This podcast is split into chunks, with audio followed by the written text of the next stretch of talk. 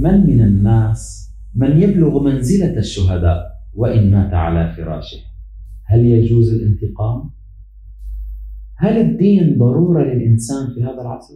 بسم الله الرحمن الرحيم الحمد لله بفضل الله سبحانه وتعالى وصلنا إلى الصفحة الثامنة من سورة الحج وإن شاء الله الله سبحانه وتعالى يكرمنا بحفظ كامل السورة ونحن على أعتاب العشر الأوائل من شهر ذي الحجة. يقول الله سبحانه وتعالى الملك يومئذ لله يحكم بينهم فالذين آمنوا وعملوا الصالحات في جنات النعيم والذين كفروا وكذبوا بآياتنا فأولئك لهم عذاب مهين. إذا يطمئن الله سبحانه وتعالى عباده يوم القيامة. بأن السلطان والحكم يوم القيامة لله وحده. فلذلك ليطمئن الناس لأن الإنسان في الدنيا يعني يعمل ويجتهد فقد يأخذ حقه وقد لا يأخذ حقه. لكن يوم القيامة أكيد وحتما أن الله سبحانه وتعالى سيعطي كل ذي حق حقه. فالملك والسلطان يوم القيامة لله وحده. فالذين اجتهدوا وعملوا الصالحات وأحسنوا إلى الخلق وعملوا الأعمال الطيبة فلهم جنات النعيم. أما الذين كفروا كفروا بالله كفروا بآيات الله سبحانه وتعالى دمروا ظلموا فهؤلاء لهم عذاب مهين عذاب فيه ألم وإهانة لكرامتهم. من الناس من يتألم لكرامته أكثر مما يتألم للألم الجسدي. فالله عز وجل يعني وعدهم بعذاب فيه إهانة وفيه خزي لهم. ثم تتحدث الآيات عن الهجرة. فقال الله عز وجل والذين هاجروا في سبيل الله ثم قتلوا يعني استشهدوا في معركة وفي قتال مع كفار. أو ماتوا ميتة طبيعية ليرزقنهم الله رزقا حسنا وإن الله لهو خير الرازقين. ليدخلنهم مدخلا يرضونه وإن الله لعليم حليم. اذا الذين هاجروا في سبيل الله هاجروا وتركوا أموالهم وتركوا بيوتهم ثم استشهدوا في المعركة أو ماتوا ميتة طبيعية. لكن الشرط أنهم عاشوا في سبيل الله وعاشوا لرضاء الله عز وجل. فهؤلاء الصنفان سواء مات شهيدا أو مات ميتة طبيعيا سوف يرزقهم الله عز وجل رزقا حسنا. وسوف يدخلهم مدخلا يرضونه يدخلون الجنة. ويرضون يكونون راضين عن الله عز وجل وعن هذا النعيم الذي سوف يعطيهم الله عز وجل لهم. وإن الله لعليم حليم. يروى أن أحد الصحابة الكرام واسمه فضالة ابن عبيد مرت به جنازتان جنازة شهيد وجنازة إنسان مات ميتة طبيعية. فتبع صاحب الجنازة الذي مات ميتة طبيعية ووقف على قبره. فقالوا له إنه لماذا لم تفضل الشهيد؟ قال والله ما أبالي بأي من القبرين بعثت.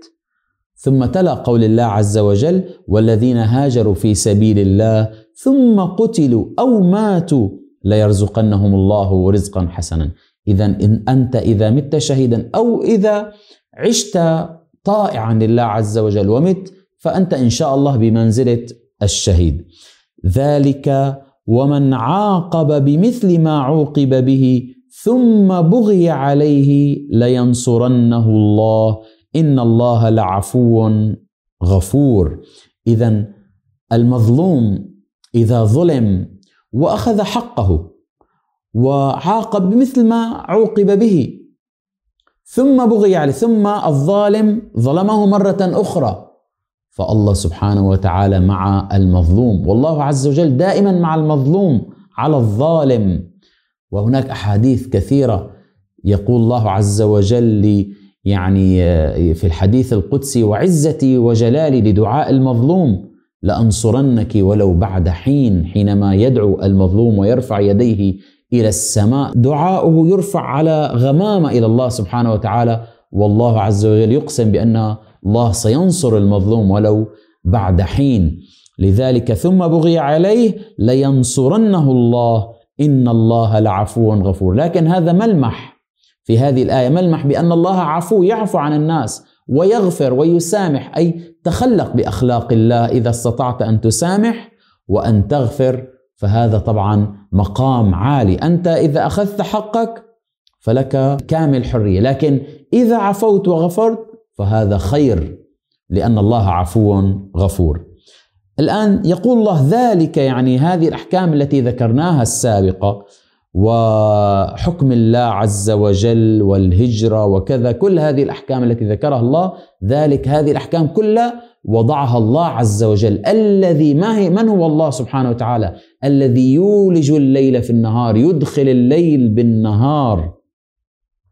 ويولج النهار في الليل وأن الله سميع بصير. فاختلاف التوقيت يختلف ما بين الصيف والشتاء ما بين نصف الكرة الشمالي ونصف الكرة الجنوبي يختلف الليل والنهار. هذا من ترتيب الله سبحانه وتعالى ومن يعني خلق الله عز وجل. فالله عز وجل سميع بصير. ذلك بأن الله هو الحق.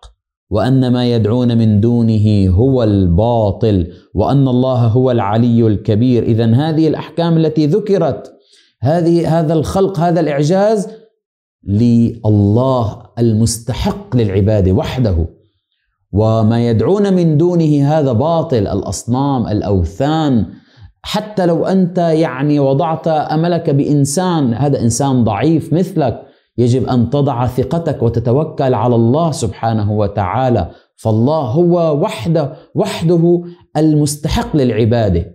ذلك بأن الله هو الحق وأن ما يدعون من دونه هو الباطل وأن الله هو العلي الكبير. فالله أكبر من كل شيء والله يعني عالي القدر وما قدر الله حق قدره. ثم يبين الله عز وجل لنا يعني عجيب صنعه وخلقه. وفي كل شيء في هذا الكون لله عز وجل آية تدل عليه. يقول لنا ألم ترى؟ يعني ألم تعلم؟ ألم تنظر؟ ألم تدرس؟ أن الله أنزل من السماء ماء. انظر كيف نزل هذا السماء نزل هذا المطر من السماء. شمس تضرب أشعتها على البحار فتتبخر مياه البحار لتتشكل يتشكل الغيم. ثم يسوق الله الغيم إلى اليابسة فينزل المطر فتخضر الأرض. فتصبح الأرض مخضرة.